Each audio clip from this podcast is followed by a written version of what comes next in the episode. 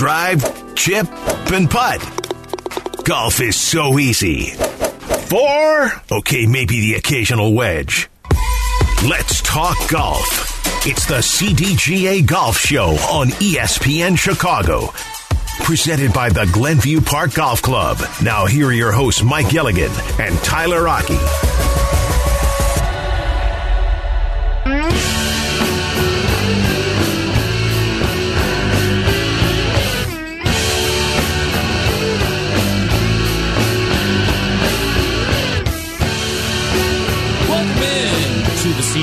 Golf Show presented by Glenview Park Golf Club. I'm Tyler Aki alongside Mike Gilligan. We're with you every single Saturday morning throughout the golf season right here on ESPN 1000, 8 a.m. to 10 a.m. Talking all things golf. You know, today I felt like a, a little bit of a setback walking into the, the future of of when we might actually hit the links out here in Illinois with the the brisk wind, the the cold air.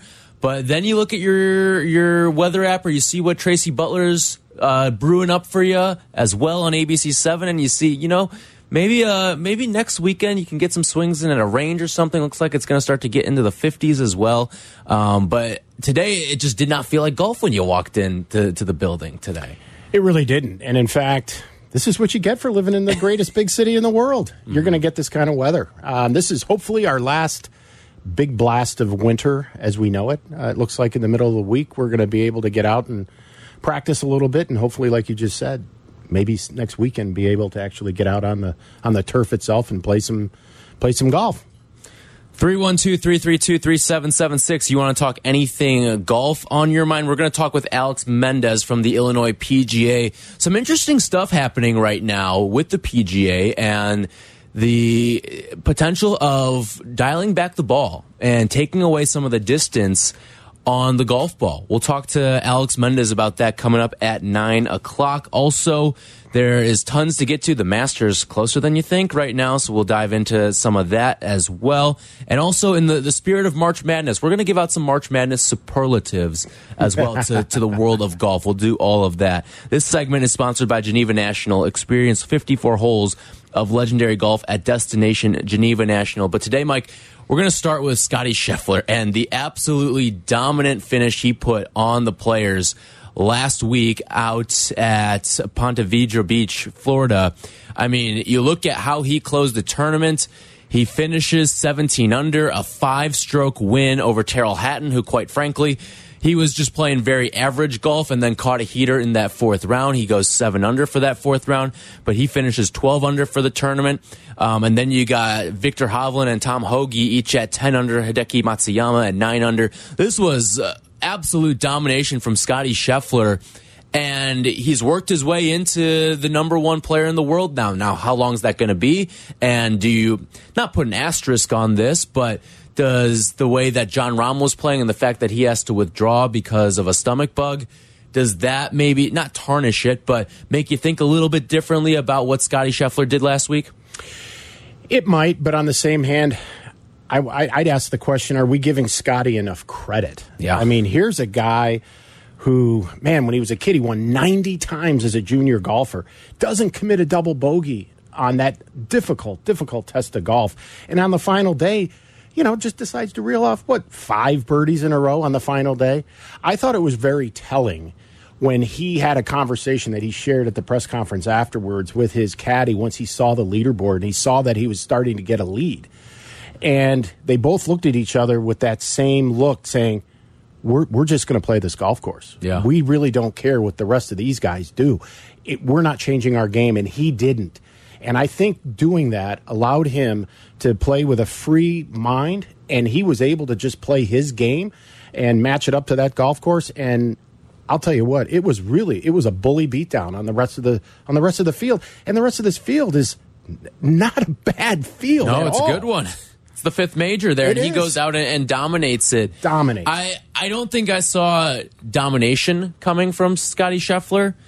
And I don't know if it's maybe his personality. He just seems like a quiet, sort of reserved guy. Like you look at some of these other players and all the flair that they've got to their games and the way that they go about portraying themselves on social media or in interviews. And Scottie just seems like a subdued, regular guy that you could see walking down the street somewhere. And you don't necessarily get that in the world of golf as much as you, you may be used to. And especially now with the, you know, the, the PIP and all of that determining a bunch of stuff with, um, with how, how you're going to end the year financially as well. Like Scottie doesn't seem like he cares about a lot of that stuff. And he just goes out there and, and puts together just rock solid rounds. Every single time it feels like he's out there, he's going to get in for a top 10. No doubt. I mean, this guy comes to us with really no flash. I mean, we don't see this guy on social media, No. you know, creating controversy, being polarizing. You know, if this were Jon Rahm or if this was Rory, there would be a totally different buzz. But I think if you were to start putting together the ultimate player and what is going on, the six inches between your ears, you take Scottie Scheffler's brain mm-hmm. because that guy just gets it done. Yeah. And I'll tell you, a lot of people are in awe of how he drives the ball and how he his iron play. But truthfully, his strongest part of his game is the chipping and the putting. And it always has been that way with him. And when you are a good chipper and a good putter of the ball, if your iron game is on, you're going to go low. And that's what we saw. You know, it's it makes me think of a, a basketball player. It makes me think of Kawhi Leonard a lot. Just a guy who's very kind of to himself and he doesn't care about what any of the outside noise is. He just is going to be like his saying is the board man gets paid. And boy, has Scottie Scheffler made a lot of money already this year because of the way that he just kind of goes about his business and has this almost quiet assassin mentality to him. Like he went out there and dominated one of the more impressive fields we're going to find in the calendar year of 2023 and goes out, wins by five strokes. And really, like he gets into, I mean, you get to, to moving day there and he starts to make his climb up the leaderboard. And then after that, no, no one's catching this guy because he's just so dominant. He's such, he's so steady. And you bring up the, the chipping and the putting there. Like that's the difference between guys who are steady and can go out and finish top five consistently, finish top 10 consistently, and, and sprinkle in some wins in there versus the guy who, okay, you're in the top three, maybe you win a tournament, but then you're missing a cut next week or you're missing a cut in three weeks. That's the difference between those guys. You're not going to see a lot of missed cuts out of Scottie Scheffler because of his style of play. Exactly. I mean, if he's not, you know, on, if you will, tee to green, he still is an amazing chipper and putter of the ball. He's always going to be hanging in there. Um, so you look at the Masters in a few weeks, you look where he's at. Boy, I mean, he's looking awfully, awfully strong to be able to put up a, a heck of a defense to his title there down at Augusta. And think about Scottie's surge too. Like uh, he had won a couple tournaments before the Masters, but relatively new on the PGA Tour scene. He goes out, wins the Masters, and like my my question always when you do see a guy who for the first time is competing in a major tournament is Eh, you almost want to fade him, right? Because you, you get to that fourth day, and all of a sudden the hand becomes a little bit shakier. The the putts you're lining up for are worth hundreds of thousands of dollars, and it just like you mentioned the the six inches between the ears, the the cage starts to rattle a little bit there. And this guy is so steady. He went out there, won the Masters last year as just kind of the kickoff to his stellar run through the 2022 season. And you know, I, I don't love to pick uh, a guy who won a tournament the year before to to go out and defend their title. I think that's just added pressure. But with someone like Scottie Scheffler, like he's just so steady. I don't know if I would do that with someone like, let's say a Jon Rahm. Like I don't know if I would pick him to go out and defend a title that he had from the prior season, just because you know it can get erratic mentally for him at times. Now it seems like that's calmed down a little bit, but with Scottie Scheffler, that's something that you don't even have to take into consideration when he's going out and w playing in these tournaments. Exactly. For a 26 year old, I'll call him a 26 year old kid. Like this guy, That's his- one of the forgotten parts of this is how damn young he is. that's but he is acting like he is well beyond his age, both from a just simple maturity and how he conducts himself on the golf course. But I think you said it earlier that quiet assassin type of mentality going about his business. And the other thing that's most impressive to me is he does it on the hardest of golf courses. I mean, Yeah. he comes through at Bay Hill like no problem, right? And that golf course is brutal. I mean, that's a tough, tough Yes. golf course. He wins there and then he turns around at the Players Championship. And I'll tell you, what he has more than anything right now is the fact that his his colleagues are impressed. And when you are Yes. impressing your colleagues at mm-hmm. that level, you're doing something. like I remember in, in full swing too. You you saw the stuff with Brooks Koepka talking about Scottie and like Scottie's emergence just got in his head. It did. and it, and it may have ruined Brooks mentally as a golfer. Whereas I don't know if, if some young up and comer could rattle Scottie Scheffler because he's just so sound mentally and he just he seems so focused on all right this is an individual sport i can only control what i do and sometimes you get golfers especially young golfers that they they try to to win these tournaments and, and they try to feel like they need Herculean efforts every single time. I got to get to the green here instead of maybe taking a more no. Scottie just plays his game, and by by only focusing on yourself and not worrying about some of the outside noise and all that stuff, it's just so impressive for a 26 year old up and coming star who is a bona fide superstar in the sport right now. And, and the way that he's gone about it, just quietly, like you wouldn't realize, like for for a casual golf fan that maybe tunes into just the the majors, maybe they get a little bit, bit of players, and maybe they, they watch a couple other events each year. I don't think they would realize just how dominant Scottie Scheffler's been. They'd see his name on the leaderboard at all these major events and obviously winning the Masters last year, but it's just this this quiet demeanor of just how consistent he is week in and week out whenever he enters a tournament. And you know, to your point, I think when he goes to Augusta next, you know, in the next month, I don't think he's going to let the the event or the moment get bigger than him. And I think that's where I'm just amazed at the years of maturity beyond his age. He won't let the the event get bigger than himself. He will just go about his business and and do it in just fine fashion. And the other part of what I admire about him is how grounded he is. I mean, his grandmother watched Right. I every saw that. single hole. God bless her. But they asked him, you know- 88 years old, I believe, yeah, right? something like that. I mean, to to to navigate that golf course, you know, at that age is is is a athletic feat in itself. Yeah. But when they ask him, you know, how are you going to celebrate this? Like, what's going to happen? It was basically going back to grandma's house and having some dessert. He's just a regular dude. He's just a regular guy. It's unbelievable in this era of sports where it seems like everything has to be flashy, everything has to be made for social media, and he just wants to go about it a different way. He does, and he remembers where he came from. I mean, I think there was an event last year that he he basically won, and then had to get in with a plane and go to a wedding. Right. I mean, I remember that. you know, yeah. and, and only a guy who's well grounded, well brought up by parents and the whatnot, thinks like that. And it is a rare thing to experience and witness um, right in front of our eyes. And not only just a good player, but a great one. He's now the world's number one player. Yeah. We'll see how long it lasts too, because Jon Rahm sat out this event. Who knows how Oh, yeah. it maybe would have went differently had Rahm participated. But certainly a, a stellar feat for Scottie Scheffler, absolutely running through the Players Championship down in Florida at TPC Sawgrass last week. Speaking of Scottie, as the reigning Masters champion, he gets to concoct the Masters Champion Dinner menu for the upcoming Masters Champions dinner, and he revealed the menu of what is going to be served up at Augusta coming up in a couple weeks. We'll give you what that was and give you what we would put on our Masters menus as well coming up in just a little bit. This segment has been sponsored by Geneva National. Experience 54 holes of legendary golf at Destination Geneva National. You want to talk about Scottie's dominance? You want to give us your Masters Champions dinner menu? Hit us up 312 332 3776. The CDGA Golf Show will be right back. This is the CDGA Golf Show, presented by Glenview Park Golf Club, ESPN 1000, 100.3 HD2, and the ESPN Chicago app.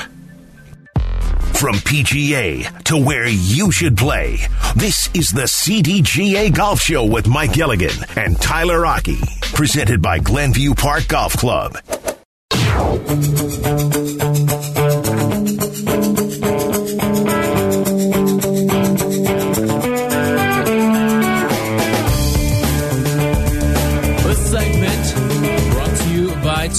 Hope you brought your appetite for this one as well. as Scottie Scheffler dominant at the Players Championship last week. The defending Masters champion had his Masters champion dinner unveiled as well. This was on the Masters official Twitter account. So this is what's being served up in honor of Scottie Scheffler. All right, here's what he uh, concocted for his Masters dinner. So for appetizers, you've got cheeseburger sliders and firecracker shrimp. Now those sliders are served Scottie style. Do you know what Scottie style is? I'm trying to to, to read through this and what Scottie style means, but um, I'm not seeing anything here. But he's got the firecracker shrimp as well with a little sweet Thai chili and sriracha mayo. Um, he also has as another starter a tortilla soup with avocado, crispy blue tortilla strips, sour cream, cilantro, and lime. Then for your main course, Texas ribeye steak or a blackened redfish for those who don't eat meat or don't want meat. That is served alongside some family style mac and cheese, jalapeno creamed corn, fried Brussels sprouts, and seasoned fries. And then for dessert, oh, this may be the best part the warm chocolate chip skillet cookie. You can never go wrong with the cookie skillet there with some, some ice cream on the side as well, or maybe even on top too. So that is Scottie Scheffler's menu there. And I think this kind of goes back to what we were saying, like just a regular dude. Yep. Like, like cheeseburger sliders, right? Um, the the firecracker shrimp, tortilla soup, a ribeye steak or, or some fish, and then you've got a, a a cookie skillet as well to to close out the night. Like that is just a regular guy's menu. Yeah, I guess it's like the old saying, you are what you eat, right? so this guy's as about as vanilla as they come, right? And and his menu reflects exactly the type of guy that he is. It's not over the top, it's not hody toady, fancy schmancy. It's it's just what a regular guy likes. So for comparison here, this was Hideki Matsuyama's Masters dinner menu from a year ago. There was for appetizers assorted sushi and some chicken skewers. You had a miso glazed black cod. You also had a, a Miyazaki wagyu um, with a, a wagyu ribeye, and then for dessert, a Japanese strawberry shortcake. So a little more complex than what, Oh, yeah. what, what Scottie Scheffler is going with here, right? Just a Texas ribeye steak and then a, the warm cookie skillet to, to cap it off. Absolutely, and you know, for me, I'm all about that Scottie menu. Yeah. I, I'd be lost with Matsuyama's. I really would would. too. I, I- wouldn't even know what utensil to use, let alone mm-hmm. what it is. Right, exactly. I, I'm right there with you. And even as some like I'm Japanese and, and I, I have seen some of the things that that are on Matsuyama's menu, but there's still some things that are just uh, above my head as well. Um, so, so what, Mike, would you be throwing on the Mike Gilligan if you were so lucky as to win the Masters and host the Champions Dinner the the very next year? What is going on Mike Gilligan's menu? I would have to give a big tribute to Chicago. It's got to be Chicago based. Mm-hmm. It's going to be. We're going to have a little Chicago style hot dogs, All right. maybe some deep dish pizza, Okay. and then I got to bring the chef down from Gibson's, right from Uh-huh. here downtown, to start serving up some steaks. So I'd start with that. But then for like dessert, I'd go for that old fashioned Dairy Queen Blizzard. I love it. That's what I would I do. love it. I think I would go. Okay, so you, you get like the the appetizer. I, I I'm a huge calamari guy. Okay. so I'm throwing some calamari in there for a soup. I love myself a, a good clam chowder as well, and then you get to the. I mean, you brought up a, a little Chicago flair. I would probably go with some Italian beef sandwiches, a little Ooh, yeah. there as well, um, and then of course, like you brought up uh, some of the. You were talking to me earlier in the break, like those Portillo's fries too. Oh. Next to next to those Italian beefs, give me that, and then let's cap it all off with some chocolate lava cake. There you go. That's Yeah, what I- I'm rolling with there. Yeah, I think you could just send Portillo's, Gino East, and Gibson's down to, Yep. to Augusta National, down Magnolia Lane. Yeah. Can you imagine go. that? Just the the Portillo's truck pulling up down Magnolia Lane, and, and That would be awesome. yes. And you would- would probably get a, a, a rave review from all of the other champions in the room, including those from across the pond. yeah. I think sure. they would all be falling in love with our with our near and dear Portillos. So, what are you putting on your master's dinner menu? 312 332 3776. We'd love to hear from you. Get what you are serving up if you were so lucky as to be a part of the Masters Club dinner. And, and like, Scottie, like, I look at all like the family style mac and cheese. Is there anything better than a, a just a well done mac and cheese, uh, like alongside a steak? Like you're at a barbecue, whether it's Fourth of July or just a, a family cookout, and you just get some family style mac and cheese, like a baked mac and cheese. My mom used to make the greatest baked mac and cheese still does make the greatest baked mac and cheese and she's passed the recipe down to me i've brought it to a couple of like friendsgivings and and some other potluck type uh events that i've been to and it's just it's always a hit you can never go wrong with the mac and cheese no matter what age you are No, it's I, I, I think you grow to appreciate that love. Being just a little kid, I remember used to calling those things pipes, you know, because they look like little miniature pipes to me. but even to this day, still love myself some good mac and cheese. Yeah, and, and this is just like I mean, you can find this menu at just your your everyday restaurant, right? Like you, you start things off with the the cheeseburger sliders.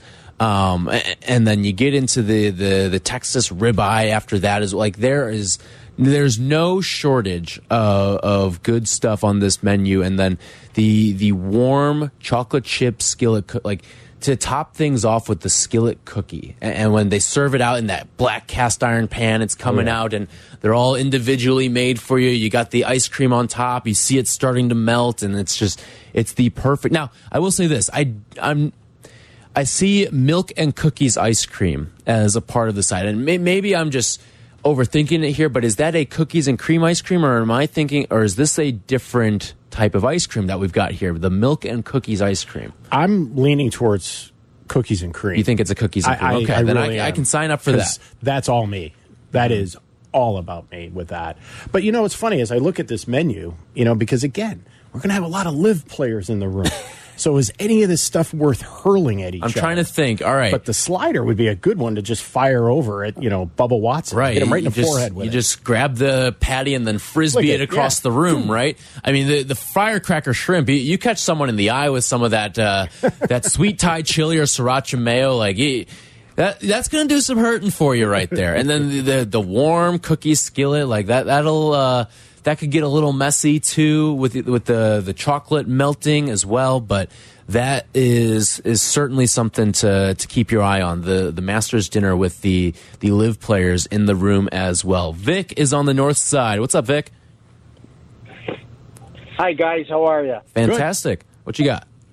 Hey, I just want to change it around, make it a little more Chicago East with that with that uh, with the dinner. Let's hear it. Instead of the mac, instead of the instead of the mac and cheese, let's do some bow tie pasta with vodka sauce, All right. or some ziti up. pasta, some baked ziti. And the only other change I'm going to make is you got to have a bone-in ribeye, and uh, maybe uh, a double double baked potato. And for and for the dessert, you got to have the macadamia pie.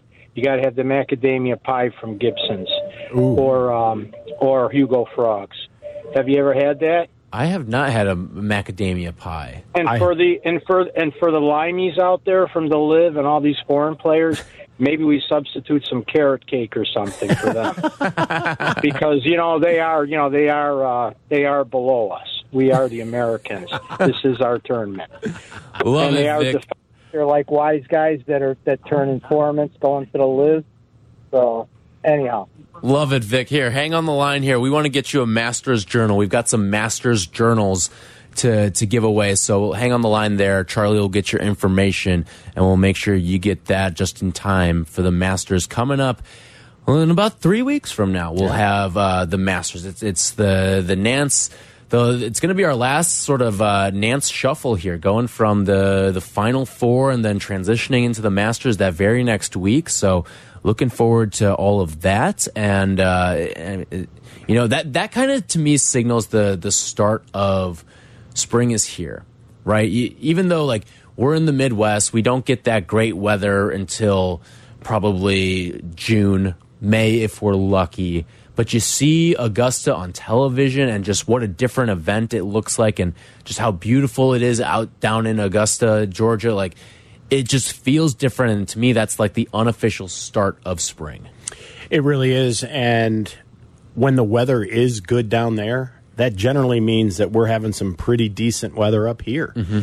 Um, when they have terrible weather down there, we're generally suffering Something worse. similar. yeah. Something similar. Yeah, like and the rain patterns. It usually feels like it, it's like a on a day delay. It feels like yeah, and I remember some days playing out at the Village Links in a pair of shorts and short sleeve shirt when the weather was absolutely fantastic. And I've also had remember Saturdays and Sundays with it being snow on the ground and wishing we could be out there. And but uh, yeah, it next couple of weeks are going to be interesting for sure. 312 332 3776. If you want to give us what your master's menu would look like. Coming up next, the Valspar going on right now. We'll get you updated on that leaderboard, what's taking place down in Florida, and also uh, some other stuff from around the PGA as well. Don't forget, we will have Alex Mendez, the Illinois PGA president, as well as the area representative for Srixon, join us at 9 o'clock. There's some interesting stuff with the, the golf ball being rolled back and how it could impact the game of golf. We'll talk about all of that with Alex coming up at 9 o'clock as well. This segment has been brought to you by Tour Edge. We'll be right back on the CDGA Golf Show on ESPN 1000. This is the CDGA Golf Show on ESPN 1100.3 HD2 and the ESPN Chicago app. Golf is on your mind and on the air right now. This is the CDGA Golf Show on ESPN 1100.3 HD2 and the ESPN Chicago app. Presented by Glenview Park Golf Club.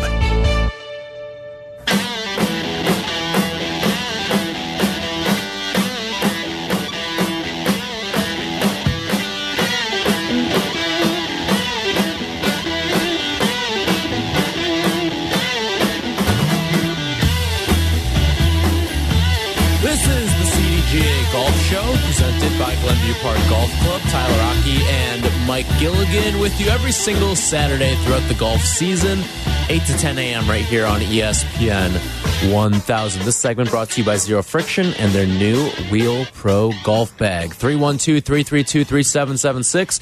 You want to come into the show and talk anything on your mind in the world of golf? We're talking a little bit now about the Valspar Championship taking place down at Innisbrook. Of course, that you're familiar with, Mike. I, Oh, yeah. I have an Innisbrook towel on my bag actually because my really? my dad. This used to be his destination spot with his buddies. Every single, I want to say they went in like early March usually. Um, I just remember like all of a sudden, dad was gone for a, a week going down golfing in Florida. Um, but he uh, he would go down there with his buddies and, play throughout a, a bunch of the courses on the on the Innisbrook Resort. Um, and I believe they got onto to Copperhead a couple times down there, but they they always had a blast with it, and so for that reason, I have the the Innisbrook towel on my bag.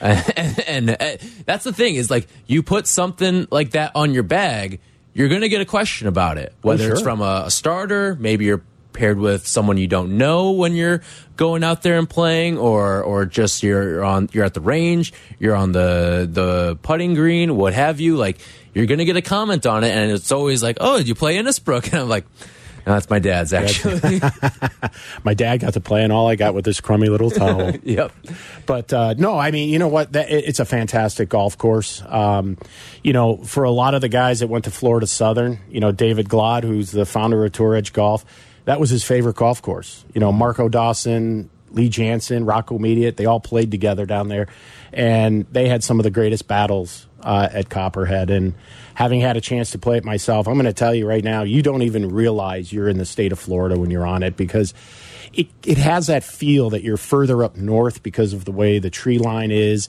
the undulation. You know, when we think of Florida, we think a lot of flat golf courses with Right. a lot of water.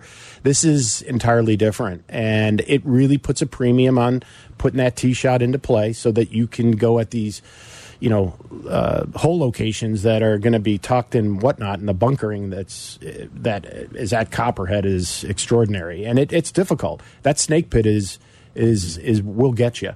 And you've you've played there a few times. I have. Um, in fact, I was just sharing with you the last time I was there. It was, you know, we have this International Association of Golf uh, Administrators, the IAGA. Our annual meeting was there a couple years ago, and we always have a, a tournament on the last day. And so I was playing in the gross division, and I was playing with a gentleman from the Kentucky section and uh, another guy from Utah, and we're in the last group, if you will, or the the lowest handicap, and. I had a one shot lead going into the final hole, which was my fourth hole. We started off on the fifth hole, navigated the the the snake pit in even par, and all I have to do is basically make par on the last hole, and I think I'm at least going to tie or win, Right. right? And I've got a wedge in my hand, and I floated that thing up, and it got above the tree line, and the wind grabbed it, and it plugged. When I say it plugged, I could only see about maybe an eighth of the golf ball. Mm. Couldn't get it out. Made six. The other guy made three, and I lost by two. But I still love Copperhead. It's a it's a fickle, fickle golf course. really it's a fickle, fickle sport as well. So as we take a look at the leaderboard down at the Valspar, not a lot of flashy names in, in the top couple of spots there, but then you get a little further down and there's the the familiarity that kind of regathers itself. So Adam Schenk. Kramer Hickok, Cody Gribble, uh, all uh, atop right now. Schenk seven under, Hickok six under, Cody Gribble five under. Also at five under, that's where you start to get to some familiarity. Tommy Fleetwood, Jordan Spieth, Davis Riley, all at five under. Then you got Wyndham Clark, uh, Matt Wallace, Taylor Moore, JT Poston, Stephan Jaeger, Adam Long at 12 under. How about uh, uh, Buffalo Grove High School's own Doug Ghim at 3 under and tied for 12th right now? He's in a, a grouping of Adam Long, Byung Hun An, Rory Sabatini, Alex Smalley, Lucas Glover, Justin Thomas, Webb Simpson. So some pretty good uh, uh, competition to be amongst right there for, for Doug Ghim. He went 3 under, 2 under uh, or he went rather uh, two under, one under, I should say, um, to be at three under for the tournament here. And if you you want to place a little action on Doug Ghim, he is plus ten thousand right now to win. For context here, Justin Thomas, who also is at three under, he's plus nine hundred. Yeah. Uh, but J- JT's done a little bit more on the tour. Yeah, I, I, and that's exactly right. And it's interesting with Doug Ghim, for example. Doug and Scheffler are the exact same age. They played together at the University of Texas. Mm-hmm. Talk about it. What a heck of a golf team there. Yeah. But Dougie right now is 305th in world ranking points and 212th in FedEx. He stands a big chance to move up the both both leaderboards, if you will, or points boards uh, with a nice finish over the weekend for sure. And it would be great to see him. I mean, here's another Illinois product coming out and, and doing well out on the tour. Uh, it's just fun to see. Yeah, for sure. Always rooting for the local kid to to do well. But as as you take a look at some of the odds here and sort of what's transpiring, I mentioned that you got JT at nine to one right now. The favorite is Spieth, who I mentioned was two strokes back. He's at plus four fifty. Tommy Fleetwood at seven to one. Adam Schenk at plus seven fifty. Then you get into a crop of guys at the 10 to 1 range like Kramer Hickok, like Davis Riley. Um, so it, it's again, it's like the the name recognition at the top, but this, this feels like one of those tournaments where you may not get one of those superstars that comes out on top. They're hanging around now. They've made their cuts, but they may not be the ones that ultimately uh, walk away uh, as the the number one in the tournament. Well, and like you just said, I mean, when you look at the first top three names on the leaderboard, you're saying who? But again, look at what the purse is this week. 8.1 million. Now, years ago, we'd say, wow, 8.1 million. The last two weeks, they've been playing for 25 million. Right. So naturally, a lot of the guys are taking this week off just to get their bodies ready for Augusta.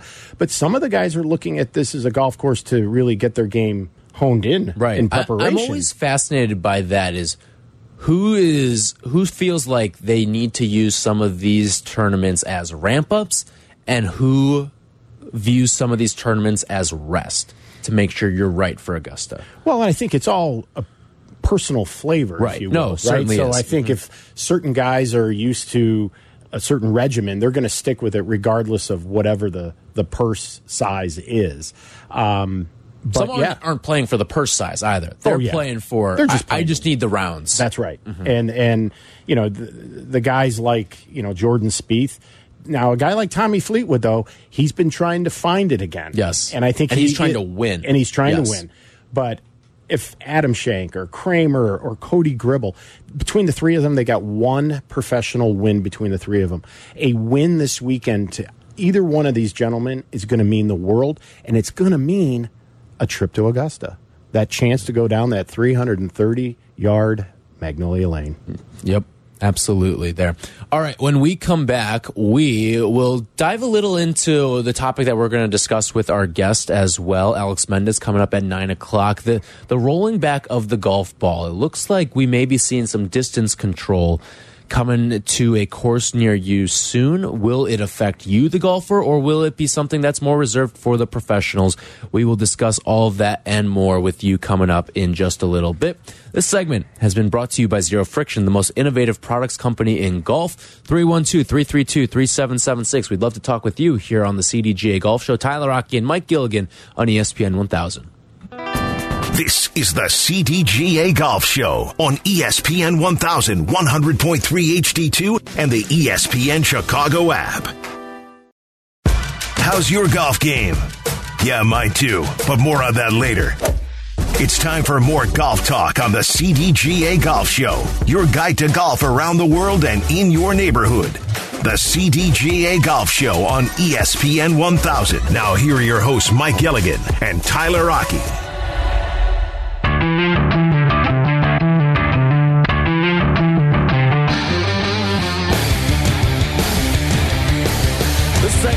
To you by Tullamore Golf Resort Experience, a Michigan masterpiece. Tyler Aki and Mike Gilligan with you here on the CDGA Golf Show, presented by Glenview Park Golf Club. All right, a little bit of controversy now, as we as as if golf needed more controversy, right, Mike? Uh, but here we are with the the USGA announcing, and again, this is just a proposal at this point. But the USGA wants to roll back the golf ball. And what does that mean? Basically, dial back some of the distance on what some of these players are, are getting. And I remember talking about this a little bit last year towards the end of the golf season.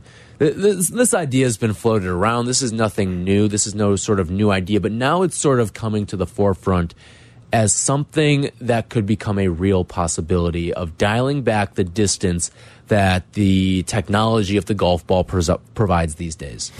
No doubt, and good memory because in our August edition of Chicago District Golfer, which I'm holding up in front of the camera here for Twitch, um, it's all about distance control. And to your point, it's been a topic of discussion for for many years and even decades, for that matter, as we progress from persimmon wood, balata balls to metal woods to titanium heads to you know coefficient of restitution and and all of the various measurements and uh, how hot the golf ball has become and what the USGA does is they identify these areas of interest, areas to which they want to look at more of a long term perspective and not just this season or next. So, really, they're starting to take a look out into the next 10 to 50 years and what's going to happen to the game. So, distance is one of those issues because, you know, golf courses that were built in the early 1900s are, for the most part, in many instances, landlocked, you know, unless they start buying up everybody's homes and, you know, and, and acquiring more land, um, can they stretch this golf or the golf course out? But when you do that, you're also including a lot more expense to maintain it, a lot more expense to obviously make the moves from a capital expenditure and the whatnot. But there are just some facilities out there just can't do it. Right. Um, and so for that reason, you know, the USGA is exploring the idea. And, I, and let me emphasize exploring. It isn't a rule. You know, I, I compare it a lot to like, you know, how bills go to Capitol Hill. Right. Not every bill that goes there turns into a law. Right. And this is no different. So being on a call with the USGA on Thursday and listening to their perspective on this, because let's face it, the USGA does get a lot of criticism for a lot of different things, but you got to give it to them when they're looking at the the overall good of the game. They have to look at it from the golf course perspective just as much as they do from a player's perspective. So let me rest assured that as most of the listeners out here, the 99.9% of us that are listening to this show, on the show, it's not going to affect us. Right. It just is not. This is going to be for the professional mm-hmm. and potentially the elite amateur. Now, who is the elite amateur? Is that the U.S. amateur and it stops there? Or will it cascade down to our own Illinois State Am Mm-hmm. and to our CDGA Amateur Championship? Those would be the two major amateur events that we conduct in Illinois that potentially, and I say potentially, could qualify for such a thing. But they are going to use this as a basically um, uh, an option for us to make a decision on whether or not we want to even institute it. So there could be a, a scenario out there that says, hey, for the Elite Amateur and the U.S. Open and the British Open, they're going to play this new rolled back golf ball. But for us at the local level here, we may be able to make that decision, but we won't know until the USGA tells us. Now, you know, what does that mean? I mean, what does that mean for, you know, club manufacturers? What does that mean for the pros themselves? Uh, a lot of great questions. We just don't know and won't know. So the USGA is in a five month gaining comments, gaining information back from all constituents out there, whether it's the manufacturers, whether it's the players, and everybody in between, as to whether this should be, you know, pursued, and if so, to what extent, um, or what variation there thereof. But I can't wait to talk to Alex because his perspective. At the moment I heard about this, he was the first guy I thought of because of his role with the Illinois PGA. He's also with Srixon, the ball company. Mm-hmm. So he sees this from two different perspectives. Because hypothetically, let's just say this does go through. And first off, if it were to start, it wouldn't start till the season of 2026. So you conceivably could have in the year 2026 the U.S. Open, the British Open.